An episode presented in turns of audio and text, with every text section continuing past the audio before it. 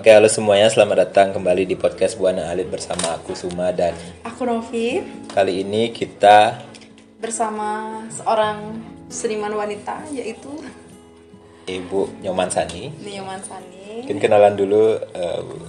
Silakan perkenalan dulu Ibu. Ya, halo sore. Em, terima kasih semua udah datang sama Novi ke rumah.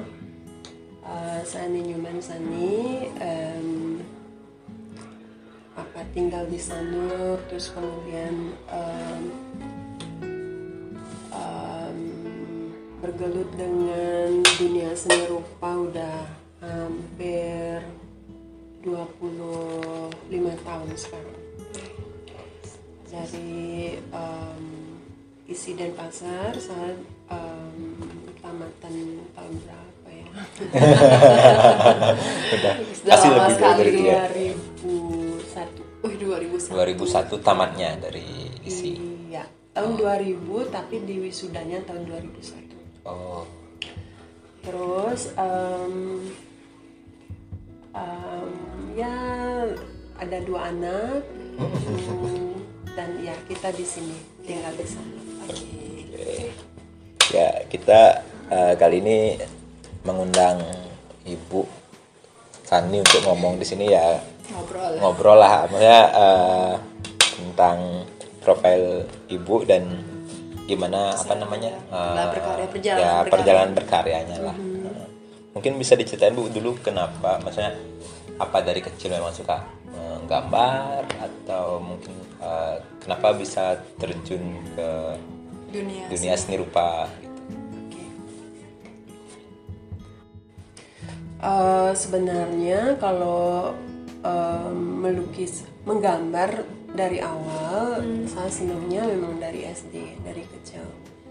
Em, sering ikut lomba. Kalau di SD dulu kan biasanya dikirim untuk ikut lomba-lomba antar sekolah. Terus kemudian di SMP juga sama em, ikut lomba karikatur melukis em, menggambar. Terus kemudian eh, SMA sempat em, kayak off gitu loh. Hmm, jeda. ya jeda. Karena di situ waktu SMA saya lebih banyak menulis. Menulis puisi terus em, senang membaca buku. Em, setelah SMA ini em, apa em, keinginan untuk menggambar melukis itu eh, kuat banget lagi nah akhirnya saya pilih di untuk kuliah di uh, SCSI Oh, dulu SCSI, kan oh, SCSI dulu. Em, itu tahun 95 saya ingat. Terus kamu tapi sebelumnya saya sempat juga mem, eh, kepengen sekolah di em, eh, desain sekolah desain em, Desain apa? Komunikasi visual atau mode atau mode. Oh, mode. Itu ada di Jalan Hayamuru. Tapi setelah saya memutuskan untuk sekolah di ISI, eh, saya urungkan untuk di sana. kenapa? Eh, karena nggak begitu nggak em, apa tempatnya nggak begitu Mendukung gitu. Iya, dan kemudian setahun kemudian udah tutup. udah tutup oh waktu itu bukan bukan institut atau bukan bukan sekolah tinggi atau Em, se- eh, itu semacam diploma. Oh, diploma. Ya, Kursus gitu ya? ya. Nah, jadi yang di isi dan pasar ini, eh, yang STSC ini, kemudian yang menjadi isi dan pasar ini yang banyak sekali memberikan saya keilmuan mengenai seni rupa ya waktu itu. Karena kan saya mulainya dari otodidak, terus kemudian terjun di sana eh, seperti di memang di kayak dibantai habis-habisan. Karena saya dari eh, bukan dari orang seni rupa awalnya bukan dari SMSR atau dunia kreativitas eh, sekolah dunia kreativitas gitu. Saya dari sekolah umum dari biologi yang kemudian masuk ke ranah seni yang mana em, apa pengetahuan mengenai komposisi sketsa terus kemudian em, uh, menggambar figur atau landscape itu um, sama sekali masih um, apa masih awam sekali untuk saya. Jadi di situ saya benar-benar seperti di Gojlok gitu di gembleng. ya, digembleng di situ dan saya bersyukur cuman waktu itu kan pastinya frustasi karena tugas banyak uh, buat sketsa nggak main-main Waktu itu Uh, berapa tugasnya? waktu sketsa seminggu itu mesti kumpul 50 lembar Oh 50 lembar. ya dan itu banyak loh Iya. karena kan ukuran yang A3 Oh ya tiga. ya dan ya mau nggak mau em, harus dikerjakan harus bisa di- dikumpulkan setiap minggu. Dan saya sempat em, semester 2 saya sempat off em, terus kemudian saya melanjutkan tahun 96 semester untuk semester 3 nya semester 2 nya mah dan tetap lanjut sampai selesai Jedanya itu karena frustasi atau gimana? sempat ya karena em, tekanan untuk tugas itu kan saya belum pernah me- melakukan pencapaian seperti itu ya dulu ya untuk tugas-tugas seperti prak praktikal ya praktikal tugas itu belum pernah jadi merasa agak Terbebani. uh, terbebani kemudian saya sakit Ah, kaget gitu ya kan? Kira-kira seperti itu. Em, nah em, itu eh, kurang lebih satu semester tapi kemudian saya lanjutkan lagi. Dan em, ya cukup rajin kemudian untuk melatih diri eh, dan nilai saya pun ketika eh, selesai lumayan lah ya nggak nggak mengecewakan. Berjuang untuk menyelesaikan. benar. Apa yang membuat ibu Bangkit. bangkit gitu? Maksudnya kan tadi sempat terburuk nih. Apa yang bikin apa yang bikin Kembali lanjut lagi. akhirnya? Em, karena teman-teman pada nanyain? bukan. Pada jemput saya ke rumah. Itu yang em, kalau bukan support dari mereka juga itu di dalamnya ada Yoyo Sudiana, eh, Suja, Wayan Suja, terus kemudian ada Pande di sana, Pande Paramarta, ada Wayan Swastama, hmm, siapa lagi ya? Bonus di situ. Um, jadi ya? mereka kasih saya support untuk um, apa namanya? Untuk mulai lagi untuk um, ngampus lagi. Cuman kan kelasnya beda sama mereka jadinya. Mereka jadi kakak kelas saya. saya kan yang terlewat satu semester. Iya, saya jadi ngikut yang adik kelas, ketemulah dengan em, ya Lekong, ketemu dengan em, teman-teman lain yang yang satu angkatan, Rahmat, Anto, em, Susana, Alit, Suwajo dan yang lain-lainnya. Oh, waktu zaman itu berarti ibu perempuan sendiri di atau gimana? Em, Masih minim ya? Waktu dengan Sujo saya sendiri perempuan, tapi ketika masuk di kelasnya tahun 96 itu saya ketemu Kurniati Andika, Dayu, saya nggak hafal namanya, em, dan ada satu teman lagi dari Sukawati, tapi dia selesai di semester nggak nyampe semester dia, eh, dua dia udah selesai. Jadi yang masih tetap itu sampai kita selesai uh, Kurniati sama Dayu dari Buleleng. Iya, iya. Ya, soalnya kadang eh, tak denger-denger kalau masuk isi seni rupanya pasti yang cewek tuh kadang ada yang satu orang, ada yang nggak yang sampai lebih ya yang mendominan tuh lah laki-laki kayak gitu. Iya. Iya, Itu uh, beberapa tahun sebelumnya sampai angkatan saya. Setelah angkatan saya itu lumayan sih ada sampai 3-5 orang ya. Ya. Ada yang lagi?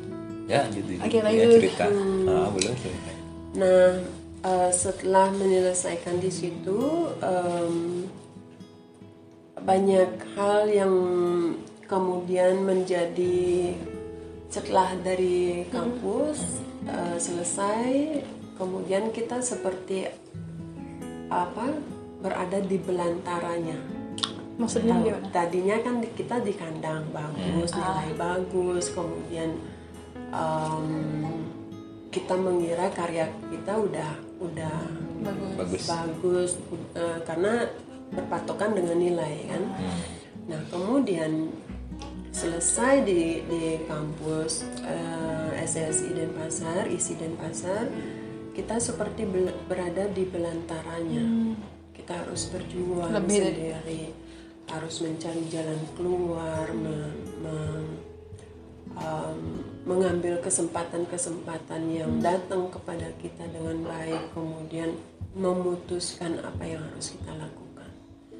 Dan memutuskan apa benar ini um, pekerjaan yang harus saya ambil atau apakah ini keputusan saya benar untuk menerima kesempatan pameran dan lain-lain.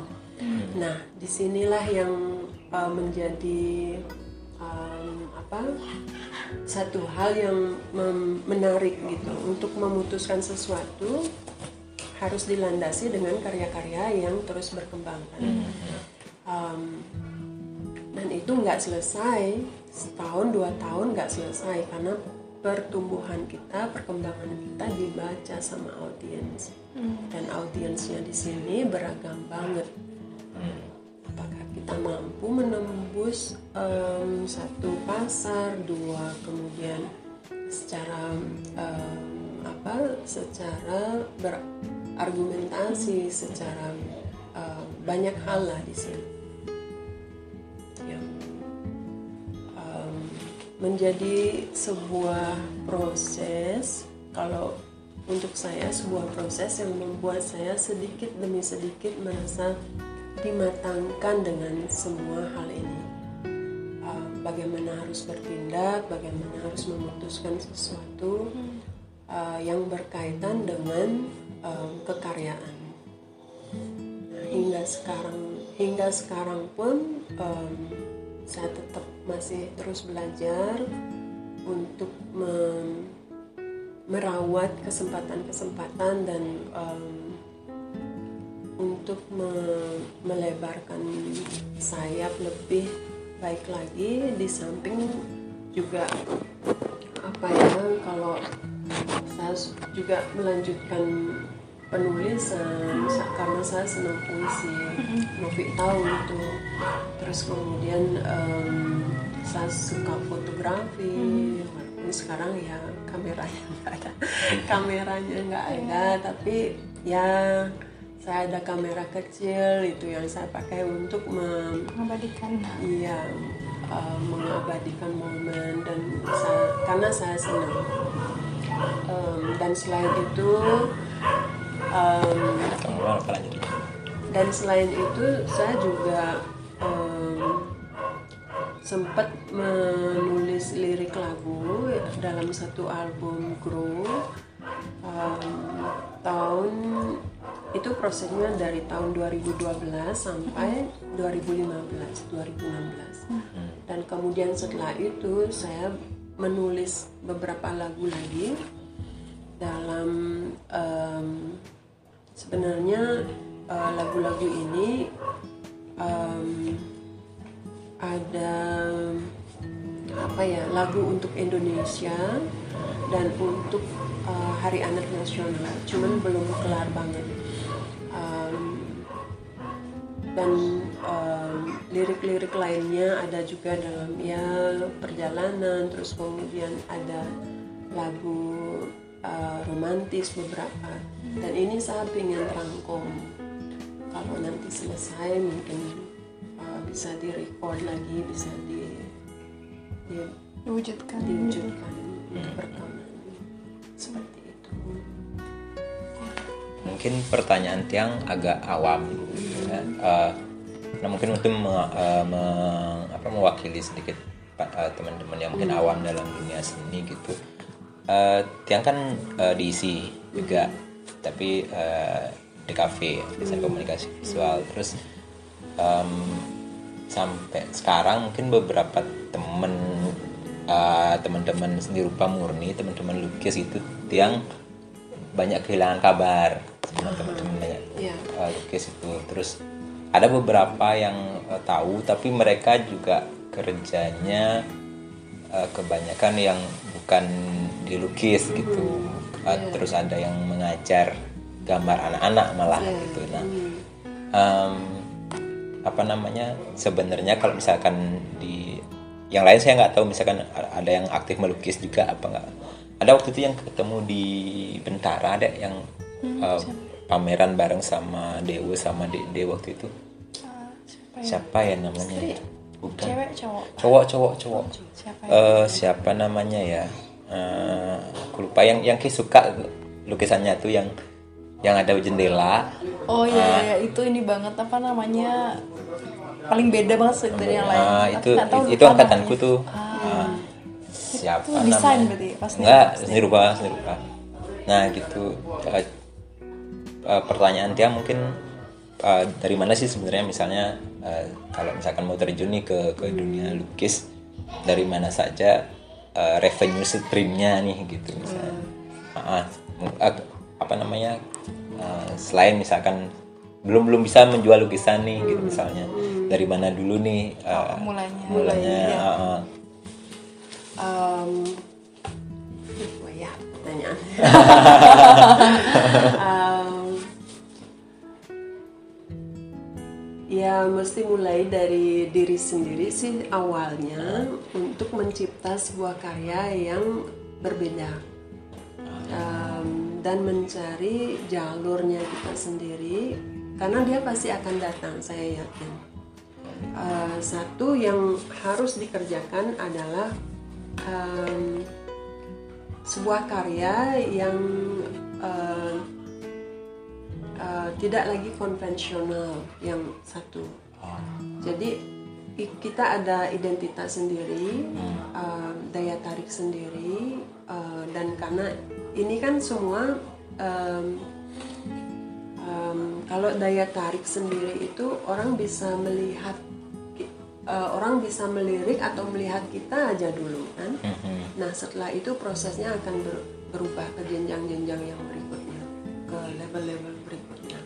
Cuman kita harus memutuskan untuk meninggalkan eh, seperti zona nyaman karena kita kan di mas di em, apa ya kalau dari kita menjajaki masa-masa kuliah itu kita dibentuk di sana. Untuk menggambar tubuh eh, menggambar yakni menggambar bentuk tubuh kemudian em, landscape kita keluar untuk menggam- em, melukis landscape. Eh, terus kemudian di kampus lagi kita me, di Gojlok untuk mencari em, em, eh, apa gaya kita sendiri style kita sendiri. Itu hampir dari uh, semester 3 kalau nggak salah sampai semester 7 kita harus memutuskan yang mana yang harus kita ambil.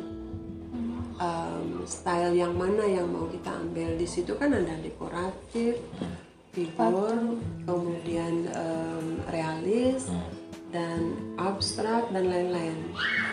Cuman ini kan yang kita dapatkan di kampus. Kemudian yang tadi saya bilang ketika kita selesai di sini kemudian kita terjun di dunia yang sebenarnya belantaranya yang belantara yang sebenarnya ada di sini. Perjuangan kita tidak tergantung dengan nilai kita di kampus kan? Nah di sini kita mesti mengadakan paling tidak koneksi dulu seperti masuk di komunitas, di grup seni rupa, kemudian mengadakan pameran, kita nggak bisa vakum di situ. Karena kalau kita istilahnya kalau kita sendiri yang lemot, ya kalau kita mempunyai daya yang lemot, otomatis di sekitarnya kan nggak bisa connect. Ah, ah, ah. Nah, kalau kita men- melakukan pencapaian dulu semaksimal mungkin, uh, karya-karya dengan diciptakan dengan uh, daya yang kuat, dengan kemampuan yang sepenuhnya, otomatis kan ada koneksi, ada yang me- melihat aja dulu, kemudian ada yang tertarik, kemudian baru ada proses berikutnya kan. Apakah itu proses em, ketertarikan untuk menulis dulu. Ada yang menuliskan kita di media kemudian ada ketertarikan untuk mengajak kerjasama untuk pameran. Kemudian ada a- di situ baru ada proses penjualan dan kemudian dari situ juga kesempatan-kesempatan pameran lain akan menyusul. Ini seperti kita membangun sebuah um, apa ya fondasi dulu uh, dan fondasi ini setelah kuat dia akan terbentuk dengan sendirinya. Karena mustahil kalau fondasi kita nggak kuat karya-karya kita nggak nggak um, ya katakanlah dengan nggak berkualitas atau tidak dengan potensi yang sebenarnya yang kita miliki saya kira mustahil untuk bisa dibawa hmm, ke dalam satu pencapaian. Seperti itu. Iya, harus dimulai dari kita dulu biar menarik orang buat melihat kita kemudian karya kita itu ya. Bukan karya dulu. Iya karya dulu baru kita. Iya, baru baru ke orangnya. Kalau uh, berarti yang tadi kan di kampus uh, kita dibentuk untuk uh, itu segala macam uh, ininya di, di uh, apa namanya mungkin dasar-dasarnya kali Iya. eh, uh, yang membentuk pondasi-pondasinya itu terus nah proses apa sih namanya tadi menonjolkan diri itu uh, gimana aja tuh Em, sebenarnya ya memang dari kampus sudah mulai ya. Em, eh, kalau dari saya sendiri saya akan melihat kemampuan teman-teman. Dari 46 orang, saya yang nomor kira-kira saya yang nomor 46 itu eh, saya akan melihat kemampuan teman-teman. Bagaimana mereka bekerja menyelesaikan sesuatu, bagaimana pola mereka untuk menyelesaikan tugas-tugas dan bagaimana mereka eh apa apa yang um, potensi yang se- um, sebesar apa potensi yang mereka miliki. Itu saya lihat. Hmm, dan saya berani bersaing di situ waktu itu. Karena saya bukan dari orang um, apa orang yang berpendidikan dari SMA saya dari SMA dan mereka dari SMSR jadi di situ em, saya tidak yakin orang SMA ataupun orang SMSR em, em, tidak bisa disejajarkan karena mereka akan sejajar dan sefrekuensi ketika mereka ter- tetap berlatih. Nah ini yang yang terpenting di sini adalah kita mengasah diri dengan berlatih secara kontinu, secara intens. Karena tidak ada hal yang tidak apa eh, tidak ada yang eh, mustahil di situ. Semua pasti bisa. Hanya em, em, kuantitas kuantitas latihannya yang harus di harus di memang komitmen kemudian dilatih terus dan kemudian em, ada rasa percaya diri di situ kan. Em, secara em, apa namanya kalau saya dulu waktu di kampus saya orangnya obsesi banget untuk mendapatkan nilai A Nah, itu yang membuat saya saya harus bisa mengalahkan mereka, mengalahkan dalam tanda kutip ya. Saya saya mengalahkan mereka dengan kualitas karya saya. Seperti itu. Ya. Eh, tadi Ibu Sani sempat bilang apa nih continue dan komitmen Hmm. dan nggak semua orang termasuk saya juga belum bisa komitmen mungkin bisa dikasih kiat-kiat atau gimana bi- biar bisa mencapai komitmen itu eh, langkah-langkah yang ibu Sani lakukan itu seperti apa itu Em, Iya sebelum kita mem- mem- membicarakan sebuah em, apa em, ya berkomitmen itu kita kan pastinya mengalami banyak hal yang membuat kita ragu, gagal, merasa gagal, terus kemudian em, kita akan berhenti ketika kita mengalami sesuatu yang membuat kita drop. Um, mundur sebentar saya kira tidak apa-apa.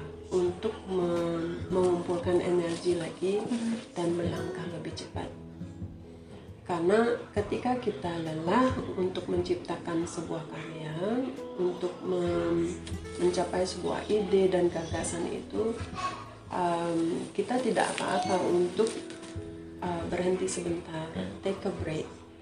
Tapi kemudian memastikan diri lagi em, sebenarnya saya mau apa sih Eh, Renungan itu. purpose-nya apa di sini Oh, purpose-nya. kepenting ya kepentingan saya apa di sini Hmm. untuk apa saya melakukan ini kan itu pertanyaan-pertanyaan Iya. yang mesti kita sampaikan ke dalam diri kan Nah, Um, dan itu jawabannya nggak jauh-jauh sebenarnya dari diri kita. Maunya kita apa?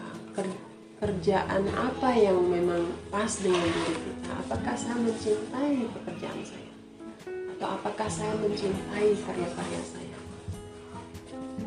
Hmm?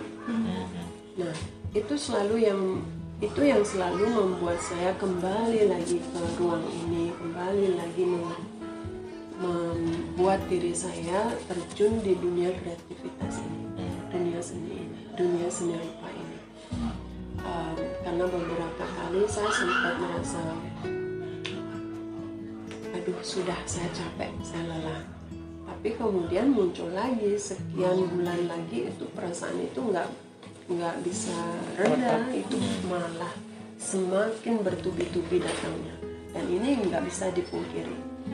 Maka dari itu saya berkomitmen, saya memutuskan saya kerjakan sampai selesai.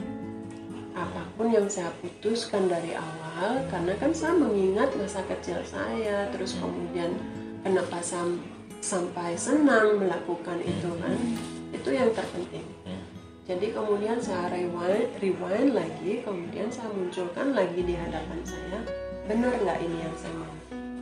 Saya kasih pertanyaan lagi ketika saya memutuskan, oke, ini yang saya mau, ini yang membuat saya bahagia, saya kerjakan ini sampai selesai. Itu yang di keyakinan itu juga penting ya kita Benar. keyakinan untuk apa ya? em, dia kan seperti jembatan ya, bukan em, kita seperti membuat jembatan em, membangun jembatan. Kalau kita kuat, kalau kita bisa me- membangunnya dengan fondasi-fondasi yang kuat, ya dia bisa mengantarkan kita ke mana aja. Tapi kata kalau kitanya lemah dengan kurang menyadari dalam uh, kekaryaan, dalam penciptaan ya, ya bisa di seperti pertanyaan um, Suma tadi, ya jawabannya juga seperti itu kan. Apa sih yang yang perihal penting yang yang mesti di um, apa tadi? Ya yang dilakukan kalau kata senior yang di komik itu kan eh, pak dia sengaja untuk membuat dirinya eh, apa namanya kepepet. Dalam tanda kutip kepepet karena ininya misalnya kalau kalau aku nggak ngomik aku nggak makan gitu. Jadi dia nggak punya pekerjaan yang lain selain bikin komik gitu. Iya.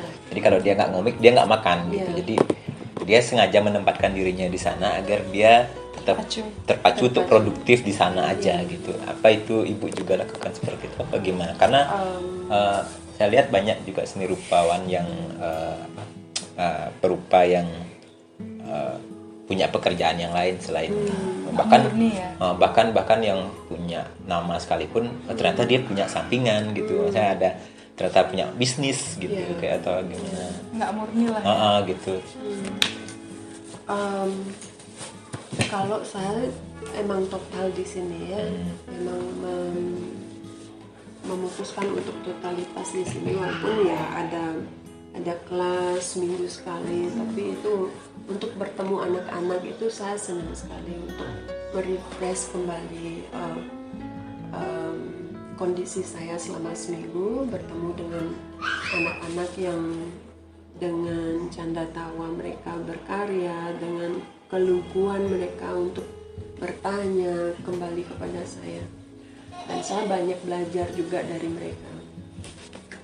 Em, nah untuk em, apa em, apa yang Suma tadi bilang em, apakah saya menempatkan diri saya di kondisi yang kepepet saya kira semua orang seperti itu ya. Em, saya kira banyak yang terjadi di dunia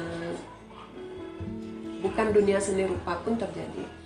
Kalau saya ber- berinisiatif untuk membuat em, sebelumnya saya membuat sekali setahun saya harus mengadakan pameran tunggal. Seperti itu. Dan itu eh, adalah keputusan saya untuk membuat diri saya untuk tetap menciptakan sesuatu hal yang em, apa yang baru kemudian dengan tema-tema yang lain eh, itu mem- memberikan saya memberikan diri saya PR itu adalah hal yang sangat menyenangkan yang saya lakukan.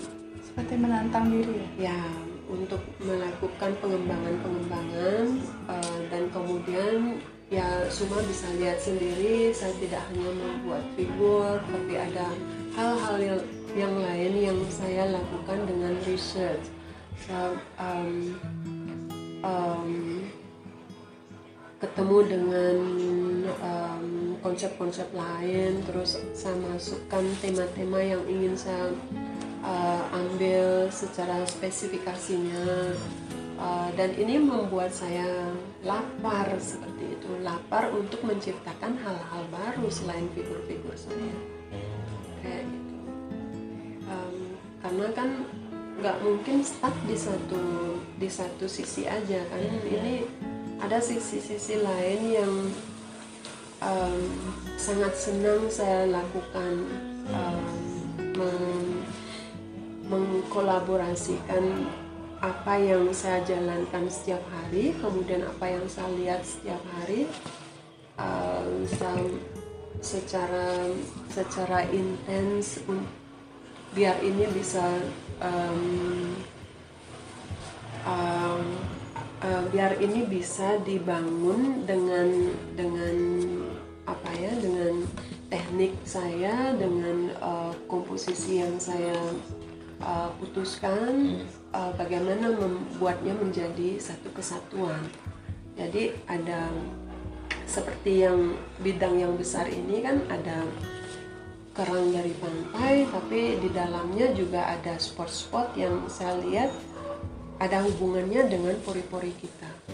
Dan ada hubungannya juga dengan mata dengan kalau kita masuk lagi ke dalam kalau desain itu um, semua eh, tumbuhan atau atau apa batang-batang tumbuhan itu kan ada kambium ada uh, pori-porinya juga mereka.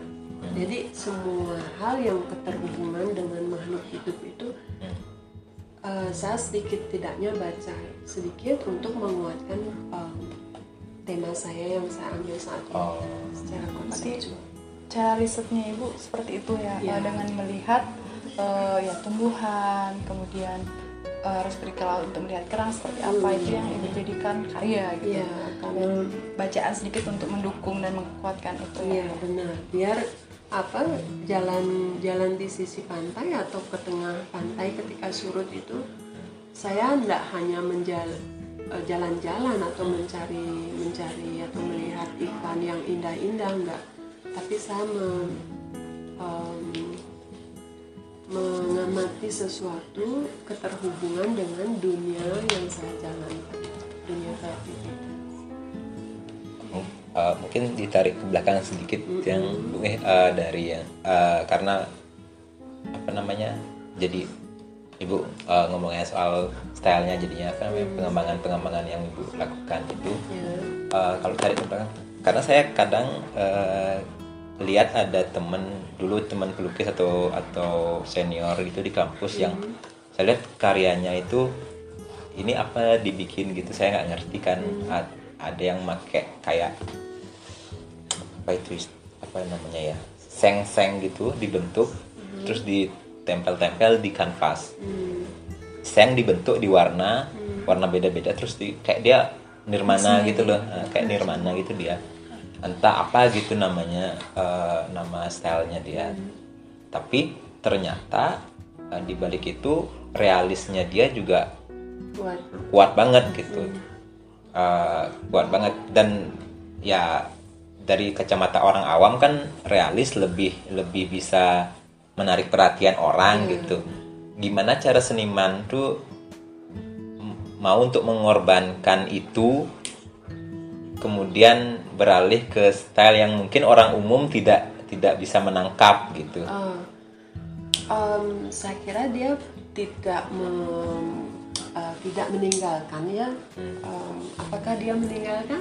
Em, mungkin karena di pamerannya dia tidak pernah ada realis gitu tapi di belakang realisnya dapat gitu maksudnya Nah, maksud di sini ya. kita kan membaca mengenai kepuasan diri. Ah, ah. Ya, kepuasan diri kita bukan kalau saya melihat dia bukan kepuasan orang lain.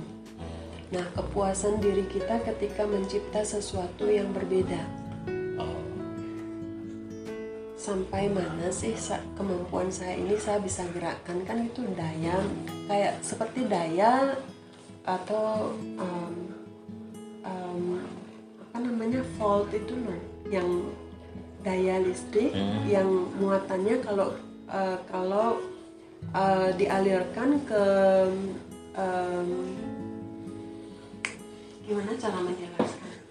Um, kalau dia dialirkan ke um, aliran yang lain? Um, ya kalau tidak sesuai dengan aliran sefre- uh, se- Frekuensi. sefrekuensi dia akan ada konslet atau letupan. Ah, ah. nah ini sama dengan itu ketika kita tidak um, ketika perasaan seseorang tidak di sana lagi dia harus mengalihkan dayanya dia dia mengalihkan dayanya dia untuk pencapaian uh, kualitas yang sama dengan apa yang dia mau ciptakan. Tidak mungkin dia me, kayak gini loh, kulak-kulaan di sini, tapi dia nggak pernah puas di situ. oh Akhirnya dia Belok. akan mengalihkan, tapi pada suatu saat dia akan bertemu. Entah itu dia mem- em, realisnya ini menopang karya-karya ini, karya-karya kontemporer ini, atau bagaimana? Itu kan itu kan proses panjang, tidak bisa dilihat setahun dua tahun. Nanti akan ada proses prosesnya sendiri bagaimana kekaryaan ini menopang karya-karya yang lain. oh akhirnya saling menopang akhirnya. Nah, oh. Saling menopang ya. Ya ya ini ya ngingetin sama karanya ibu nih. Sebelumnya kan waktu awal dua tiga kali ke sini kan oh figur figur tiba-tiba lama nggak ke sini gitu tiba-tiba loh kok ada realis? Oh jadi kok berpikir gini eh oh ibu bisa bikin realis? Nah kayak gitu jadi oh ternyata eh ibu kok tumben bikin realis kayak gitu apa mungkinnya sama ya eh, yang ibu alami juga atau bagaimana Um, nah, um, awal saya belajar untuk ber um, berkarya itu kan mulainya dari still life. Dari still life saya memajang topeng um, almarhum ibu saya dari dari uh, tokonya dia. Kemudian saya uh, lukis dan waktu itu kan ada kembang kebanggaan sendiri bisa secara otodidak bisa berkarya um, ya membuat karya realis dan kemudian secara kontinuitas itu um, kalau saya apa lanjutkan um, titik cahaya terus komposisi itu sudah sudah memuaskan saya. Terus kemudian dia berkembang menjadi em, saya mengarahkan setelah ini saya rasa udah cukup saya mengembangkan ke dekoratif. Saya membentuk tubuh tubuh tapi dengan pola-pola dekoratif dengan dengan blocking dengan em, permainan warna dengan lebih berani menggores dengan palet dan dan saya tidak mengenal em, sudut cahaya lagi.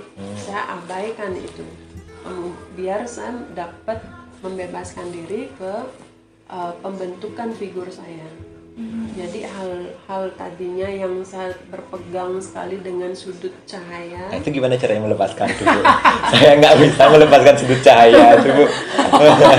Susah sekali pasti kepikiran, oh ini pasti ca- ar- cahaya dari sini nih, gitu ya. Ah, memang sih perlu perlu um, beberapa karya yang harus dibandingkan untuk um, ya kadang kita harus mengabaikan sesuatu tapi kita harus ingat cara mengerjakannya mengerjakan ini secara maksimal tadinya bagaimana ya? Oh. karena kerinduan itu pasti akan datang. Nah, Eh, yang ini seperti file kemudian file baru terus kemudian file baru lagi terus kita akan menciptakan hal-hal yang lain. Sama seperti dulu kita mengenal em, apa ya kaset terus kemudian CD kemudian sekarang kita udah nggak memerlukan CD dan kaset Download lagi aja kita udah. udah. Nah seperti itu. Berkembang gitu ya? Perkembangan itu kita mau tidak mau kita lewati cuman kita nggak boleh meninggalkan ini. Karena sekali waktu kita pasti mengalami kerinduan untuk mencipta ini kan sama dengan Novi bilang tadi kok ibu bisa realis ya atau apa? Ya karena eh, saya masih ingat waktu tahun eh, 9495 itu penuh. Saya belajar tentang profile pro- potret dan kemudian still life. Kalau orang tiba-tiba mengatakan saya "Eh, saya ini kok berubah sekarang menciptakan? Nah itu mereka nggak tahu latar belakang saya. Mereka belum belum eh, be- be- kita belum berbicara sampai di situ ya. Em, ya nggak heran sih dan nggak disalahkan sih. Cuman kan eh, yang tahu perjalanan saya itu yang tahu bagaimana proses saya sampai hari ini kan em, saya sendiri. Karena ada yang lihat misalnya dia sebenarnya bisa bikin uh, proporsi anatomi misalnya misalkan dia gambar-gambar orang-orang gambar orang lah gambar figur manusia dia bisa bikin anatomi yang bagus tapi dia mentransformasikan itu membuat sesuatu Distorsi. yang distorsi akhirnya gitu. Yang lehernya panjang lah atau misalkan tangannya panjang gitu. Nah itu kan proses me- me- Melepaskan. mengabaikan melepaskan Ya, yang melepaskan yang sebenarnya. Ah, itu kemudian membentuk. membentuk ya. Nah, itu yang saya bilang tadi, bagaimana kita bisa menarik perhatian pertama.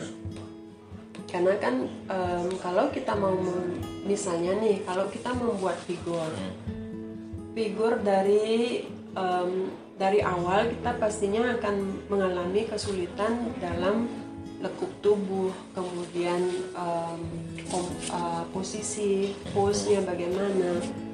Em, ini kita akan digojlok untuk menentukan em, eh, apa warna tubuh yang sebenarnya, terus kemudian eh, komposisi karena hitungannya kan di situ kan ada kepala terus ya. dada dua dua kepala kemudian ada ya kaki em, nah itu kita harus tahu yang sebenarnya sebenarnya dulu. dulu. Nah, Uh, setelah itu uh, apakah kita akan selalu berada di situ? Kalau kita terus akan berada di situ kita kita mem, mem- em, paling tidak kita menguasai warna-warna tubuh dulu. Hmm, karena kan warna-warna tubuh uh, kulit itu sangat berbeda. Hmm, Suma sama Novi sama saya juga sudah tunnya sudah berbeda kan. Nah kalau kita mau bergerak di situ tekuni itu, lakukan pencapaian realis yang yang bagaimana, yang kualitas bagaimana, hmm, Um, super realis atau super hyper realis ya hyper realis lakukan di situ.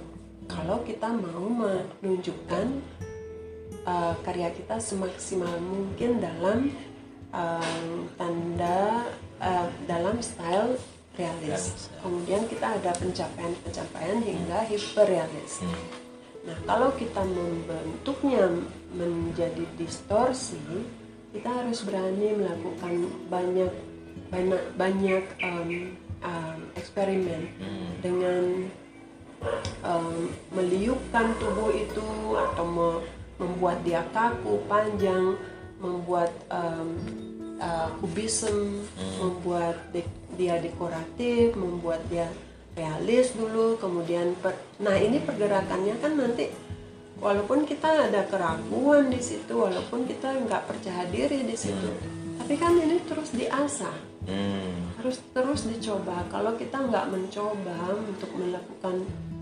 pergerakan ini, em, ya, em, Nggak berkembang. ya jadi nggak nggak ada pertumbuhan di situ. Kita akan stuck dalam satu ya satu kondisi yang di mana kita juga, aduh kemampuan saya cuma segini aja, Hmm. kan? Iya.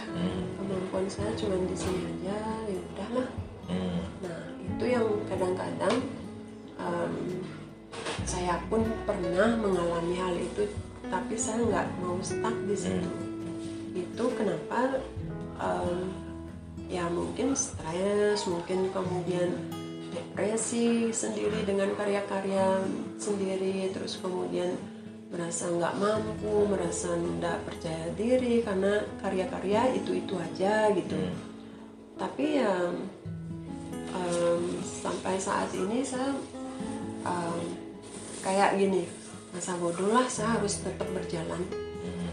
Saya harus saya mau menciptakan karya yang eh, dengan style ini dengan landasan sains saya em, mesti mendasari semuanya dengan cara membaca melihat eh, dan mencermati tubuh saya sendiri kemudian saya ciptakan figur em, saya menyajikan hal-hal yang indah kemudian yang pertama saya ingin memberikan dulu kepuasan dengan diri saya. Kemudian kalau ada orang yang em, meliriknya melihatnya ya itu urusan lain ya urusan em, nah seperti itu.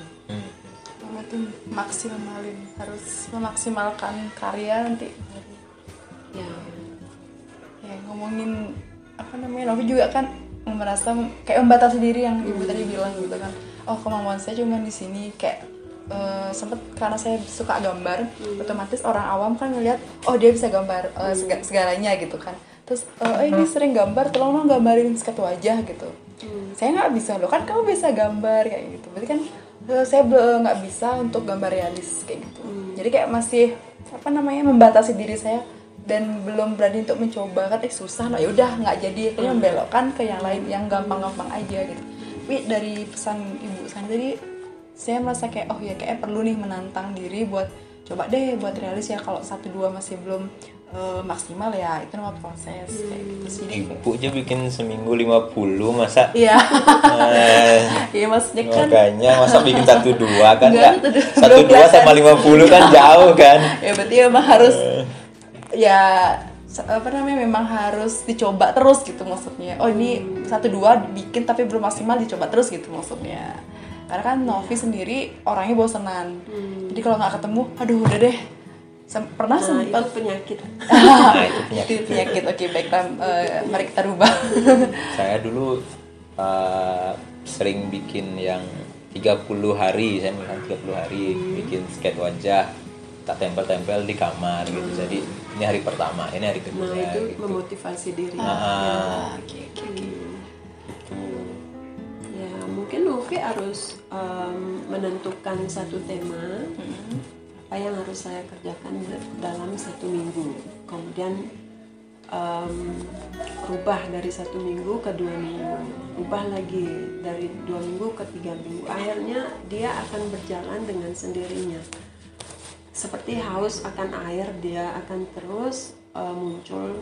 Em, cuman memang harus ada komitmen ya untuk, uh, untuk men- menjadi intens. Itu kan kita nggak bisa um, sekarang oke besok oke uh, tiga dua hari tiga hari bolong lagi.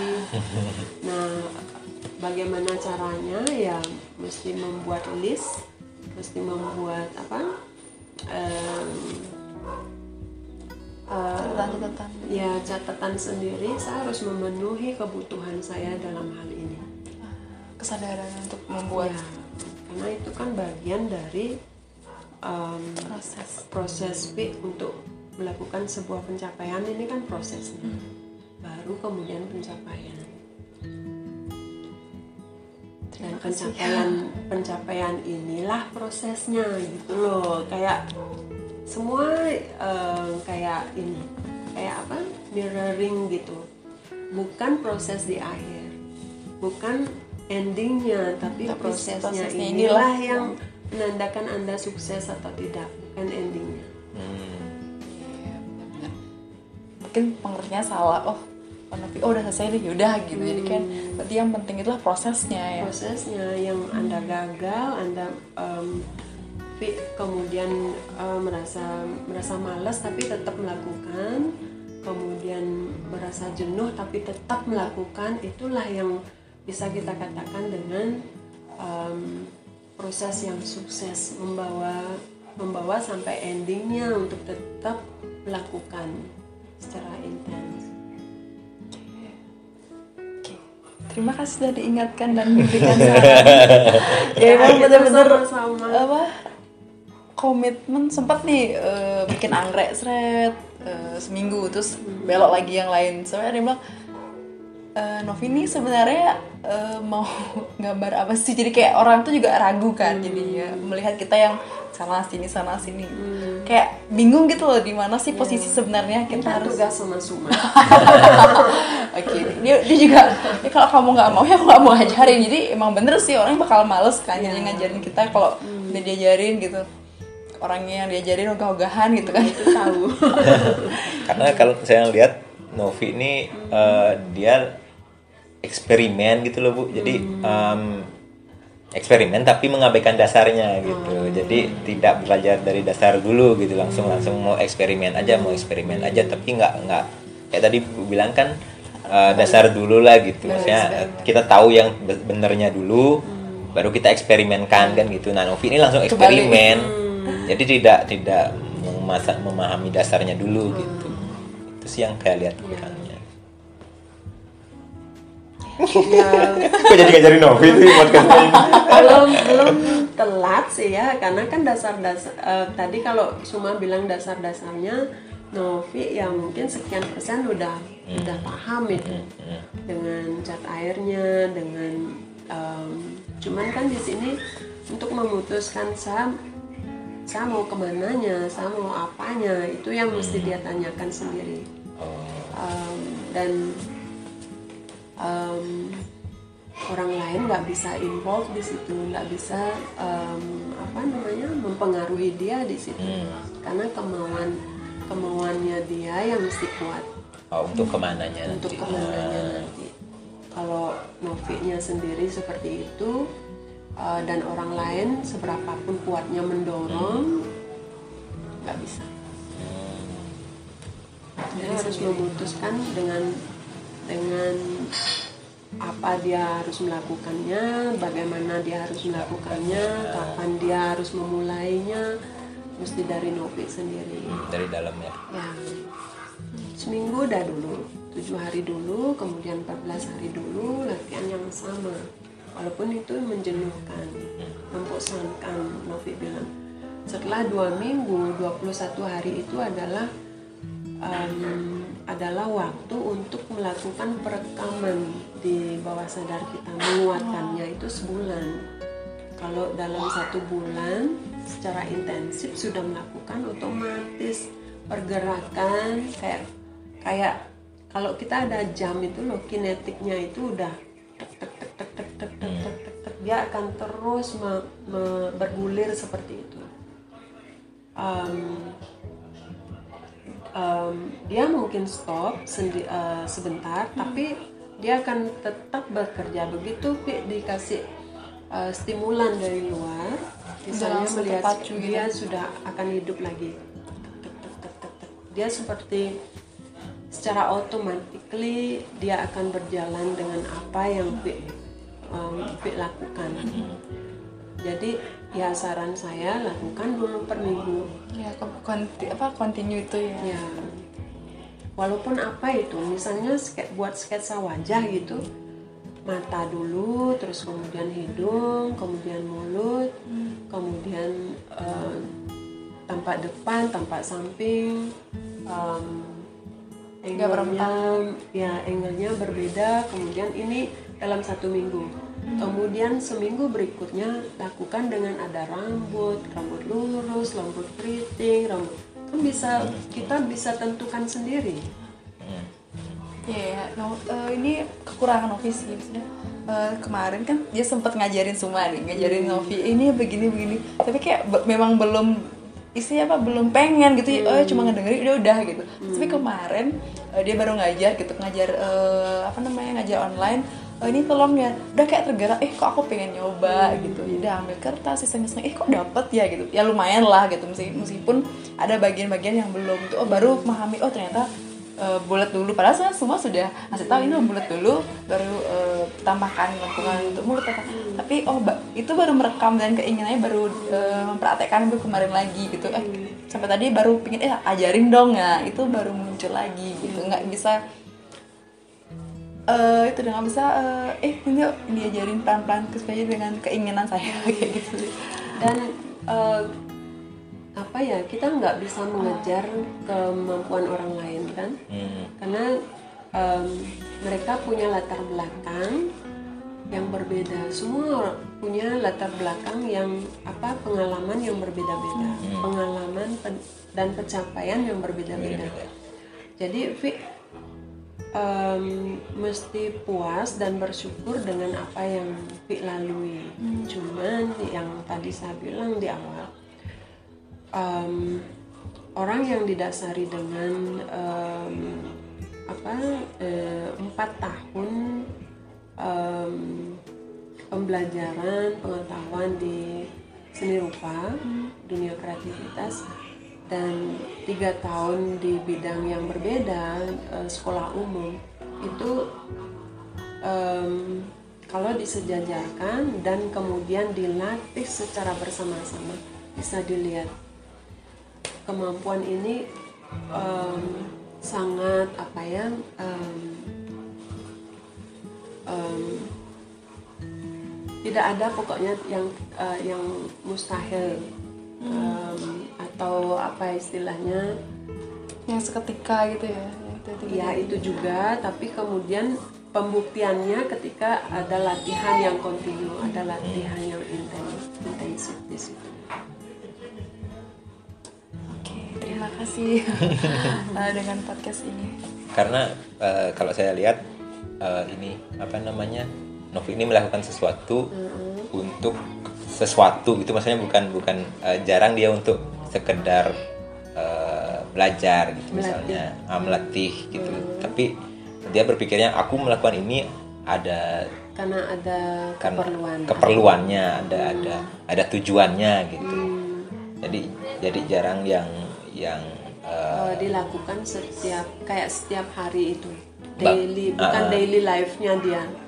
Ya Bukan ya, bagian dari- ah, bukan bagian dari daily life-nya. Terus juga eh, gimana ya? Eh, kalau saya misalnya eh, apa namanya bikin gitu Hmm. yang eh, sekedar yaudah gitu Eh, tapi gimana ya bilangnya ya? Kalau Novi ini eh, bukan bagian dari tantangan. Ngerasa bahwa it- eh, yang dia lakukannya harus ada eh, harus itu goalsnya gitu. Oh. Aku oh, ngapain men aku bikin ini gitu? Eh, bu- bukan itu yang aku cari gitu misalnya. Dia harus harus melakukan itu karena itu yang dia cari gitu.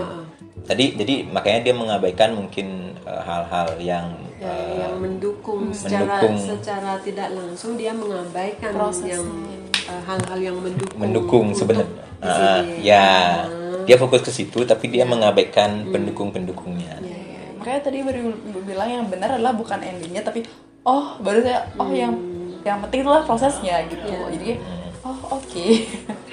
ya ya oh, itu maksudnya. Novi itu melihat endingnya aja. Ya, itu sih. Ya, melihat ending yaudah deh gitu. Kayak mungkin karena basic kan saya bukan anak seni rupa tapi ketertarikan ada di sana dan pengen langsung otomatis menuju ending. Jadi eh, pengen langsung menuju ending aja gitu loncatin aja langsung semuanya menuju ke ending gitu. Dan selalu dapat kesempatan ke sana gitu. juga. Bisa ke situ langsung. Iya. Iya.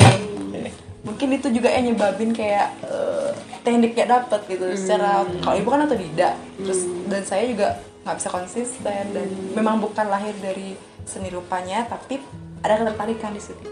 Itu sebenarnya yang kuat. Ya ada daya tarik itu kan biasanya daya magnetnya yang yang kuat Tapi nggak bisa continue gitu kayak cuma udah oh ya misalnya ngeliat eh mawar eh udah gambar sekali. Nggak ada continue-nya itu yang yang dan dibilang sama tadi prosesnya itu yang belum. Karena gini saya ngelihat juga misalkan Novi ini bikin bunga gambar bunga nih.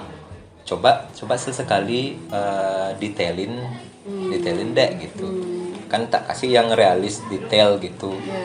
Co- maksud saya bukan bukan nyuruh dia untuk ini menjadikan goalsnya dia Iya. tapi belajar untuk mendetailkan. Heeh. nanti cari lagi pengembangan yang gimana maumu Iya, gitu. Iya. biar kamu tahu dulu sedetail detailnya gimana dia bunga yang ini gitu. Tapi dia aku sukanya yang eh, ngeblur-ngeblur ini aja gitu. Jadi kan dia nggak pernah belajar Iya, untuk jadi kayak membatasi diri jadinya kayak. "Ah, bukan men- membatasi diri.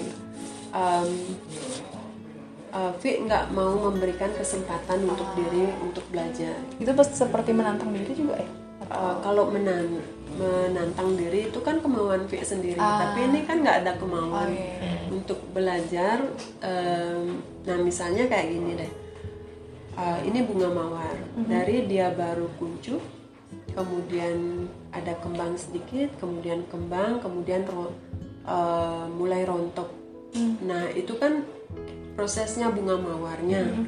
Cuman ketertarikan ketika kita melihatnya dari awal uh, kita pasti memiliki daya tarik yang berbeda kan? Cuma mau yang bunga baru kuncup aja deh. Nah kalau saya pengen sepenuhnya bisa saya bisa saya uh, capai. Ada kuncup uh, kun- mekar sedikit kemudian mekar kemudian rontok saya pengen menggambarnya semua dari proses awal sampai akhir. Kalau Vi misalnya mungkin di pas rontoknya aja kan. Nah itu kan uh, kok sudah rontok aja? Iya iya iya. Iya, iya. iya iya saya paham saya paham. Ya kan? Iya. Nah itu yang yang mau nggak mau kita jalankan, kita kita cermati uh, proses dari awal kita sampai akhir. Gitu. Walaupun mau bosan, mau nggak betah, mau apa, nah itulah tantangannya. Iya, benar-benar. Um, bagaimana kita enjoy dengan tantangan itu dan kebosanan itu bagaimana kita bisa menikmati um, ketidakpuasan kita bagaimana kita uh, menikmati keterbatasan itu. Kayak kayak sekarang kan Pi merasa ter- sangat terbatas sekali untuk melakukan sesuatu gitu loh. Tapi gimana caranya menikmati? Ya lakukan. Dengan cara melakukan mendobrak keterbatasan itu. Menobrak gitu. ya. Ya kalau nggak gitu nggak Akan di sana-sana aja ya. Iya, Iya, iya. Oke. tidak akan ada pencapaian sampai di akhirnya Iya, iya nah, mungkin baru itu. bisa melihat nanti oh ini toh yang saya jalannya ini ini, ini. Oke, terima kasih. Jadi ngomong saya mikir, oh ini. Iya. udah ada tanya Ya, lagi sudah. Ini jadi. tapi udah dapat banyak sebenarnya Iya, iya. Terima kasih banyak. Iya, Apa iya, lagi? iya, iya. Ini udah udah sejam lebih Sudah sejam. Berani. 30 menitnya membahas saya. ini eh, mau profil dulu. tapi dapat banyak ilmu Iya. kan dari Iya bener-bener. ya kita berbagi saya juga apa masih tetap harus banyak mendengar banyak melihat banyak mencermati Ya, juga dapat banyak yang mengembangkan lagi gimana. Karena kemarin lihat juga yang Pak siapa namanya deh Yang Pak mana? Abud. Ya, Abud ya, ya, ya, itu, Ya. Wih, itu eh, lihat oh dia bisa bikin yang watercolor terus ditempel tempel di daun daun dan dari tangan tangan juga Ah, kan? Wih terus bisa yang ya? dia destruktif bukan destruktif ya apa ya? Dia dia paham. Nah kayak kemarin Pak Abu tuh dia paham pak pak kepatran yang sebenarnya. Tapi dia tapi membebaskan dia diri. membebaskan diri dari itu kemudian bikin yang sebebas dia. Nah dan itu, dibilang susah sekali untuk melepaskannya. Nah, itu- makanya saya dari tadi nanya gimana cara melepaskan Iya. itu? Gimana cara melepaskan itu? Karena kayaknya susah sekali untuk Untuk melepaskan. melepaskan itu. Nah itu Atau- dan em, Suma mesti menjajarkan beberapa karya. Em, yang dari awal Suma lakukan, kemudian tapi masih dengan tatanan cahayanya, Hmm. masih sudut cahaya, terus kemudian pasti ada sudut cahaya lagi, coba lagi pasti ada sudut cahaya lagi. Terus aja mencoba sampai mungkin pencapaian Suma ketika Suma bukan mengabaikan sih ya, tapi me- meletakkan sebentar. Em, em, file ini bukan di delete, Hmm. tapi meletakkan, memfilekannya dengan baik, kemudian menco- mem- menjajaki file-file baru, menata file-file baru ini yang yang dengan em, eh, konstruksi baru dengan dengan em, mungkin pengolahan warna yang lebih matang lagi Hmm, yang iya, iya, lebih kan? Em, nah ini tapi dijajarkan dia. Bagaimana eh, saya bisa melepaskan anda ajak aja dia bicara. Karena pada saatnya nanti semua pasti akan melihat ini sebagai kekuatan bagian dari kekuatan untuk penciptaan yang baru ini. karena kemarin juga saya eh, sempat oh ternyata ternyata ada pengembangan sedikit di di pewarnaan. Kayak, kayak kayak dulu tuh di pikiran saya tuh apa namanya eh, kulit tuh pasti coklat gitu. Nah, saya kulit tuh pasti begitu warnanya gitu. Jadi jadi ya begitu tak warnain kulit sebagaimanapun sebenarnya tapi tak tak tak warnain begitu. Ke belakang saya mulai misalnya ah, ah orange lah taruh. Ah ungu deh taruh Iya. gitu. Kayak eh, Sudah mulai ber apa? berkembang. Ya, maksudnya bukan berkembang ya di situ yang tapi sudah mulai berani untuk nah itu itu melatih keberanian itu. Itu lama sekali. Ya. coba itu mungkin coba yang lain-lain lagi gitu. Ya, nah istilahnya gini deh, Eh, orang kalau di di bawah lampu merkuri, dia kan terang banget kan, ada sisi gelap, ada yang yang apa wajah akan ditutupi penuh, tapi ada bagian tubuh yang akan menjadi sangat terang. ah Kalau di bawah lampu merkuri. Kalau dia di bawah lampu neon akan ada bayangan-bayangan yang lebih abstrak lagi, lebih Ah. soft lagi. Terus kalau dia kena te- eh, cahaya lampu diskotik dia akan berwarna-warni banget. ah iya iya Tapi ada pertemuan warna-warna lain yang menimbulkan eh, daya tarik eh, sendiri kan. Hmm. Em, nah, coba aja itu Em, hal-hal menarik yang hal-hal kecil yang menarik itu yang bisa jadi latihan suma, Hmm. tidak hanya ini loh spot cahayanya dari timur, sini sudut ini, timur. sudut ini Ah, gitu. warnanya kuning jadi Ya. bagus perlu bereksperimen juga Ya, Mengamati. ya, pengamatan dan kemudian kita mem, mem- apa mem- em, memvisualkannya itu yang terpenting kan. ya kita berbalik. Dia nggak bisa melepaskan tapi saya biasa tidak pada strukturnya. Oh iya iya iya iya iya. Kita kembalikan Kolaborasi yang bagus ya. ya mungkin itu tujuan dipertemukan oh iya, iya, iya, iya makanya tadi iya, dia ingin melepaskan, tapi saya biasa mengabaikan. Iya. Dan saya kembali ke iya, struktur. ya, kaca aja berdua. Iya iya iya iya iya iya iya iya, iya benar benar benar. Iya, Iya. Kadang uh, waktu itu sempat ngobrol sama Suma, uh, kan sempat lihat ibu pakai warna-warna sumbu terus kayak warna-warna merah orange. Hmm. ketika Novi pakai oh bisa bisa jadi kayak gitu gitu. Hmm. dan kertas hitam kemarin dia nggak percaya kalau watercolor itu bisa di hmm. kertas hitam jadi ah masa sih bisa? gitu kan. Habis itu sempat ini loh oh iya bisa. Terus kemarin lihat Pak Abud ya nggak bisa. Bahkan sih ih kok bisa keren gini ya? Gitu. Merasa kayak wih ternyata apa namanya keren juga nih kalau di gambar lagi. Digali lagi mungkin semua juga biasa eh, apa namanya di dalam skup yang oh kulit warna ini eh, kertas harus putih. Mungkin itu ya. Jadi nggak nggak mendobrak juga kayak mencoba kertas hitam atau kertas eh, daur ulang atau apa Iya, mungkin iya. ya mungkin harus berkolaborasi ya. Iya. benar benar benar kenapa baru menyadari Baru menyadari. aja kemarin kemarin iya iya terima kasih sudah mengingatkan akhirnya bercermin ya, semoga bisa ya bisa apa konsisten untuk tujuh hari kemudian eh, semi- eh, dua minggu dan 21 dan ya. Ya.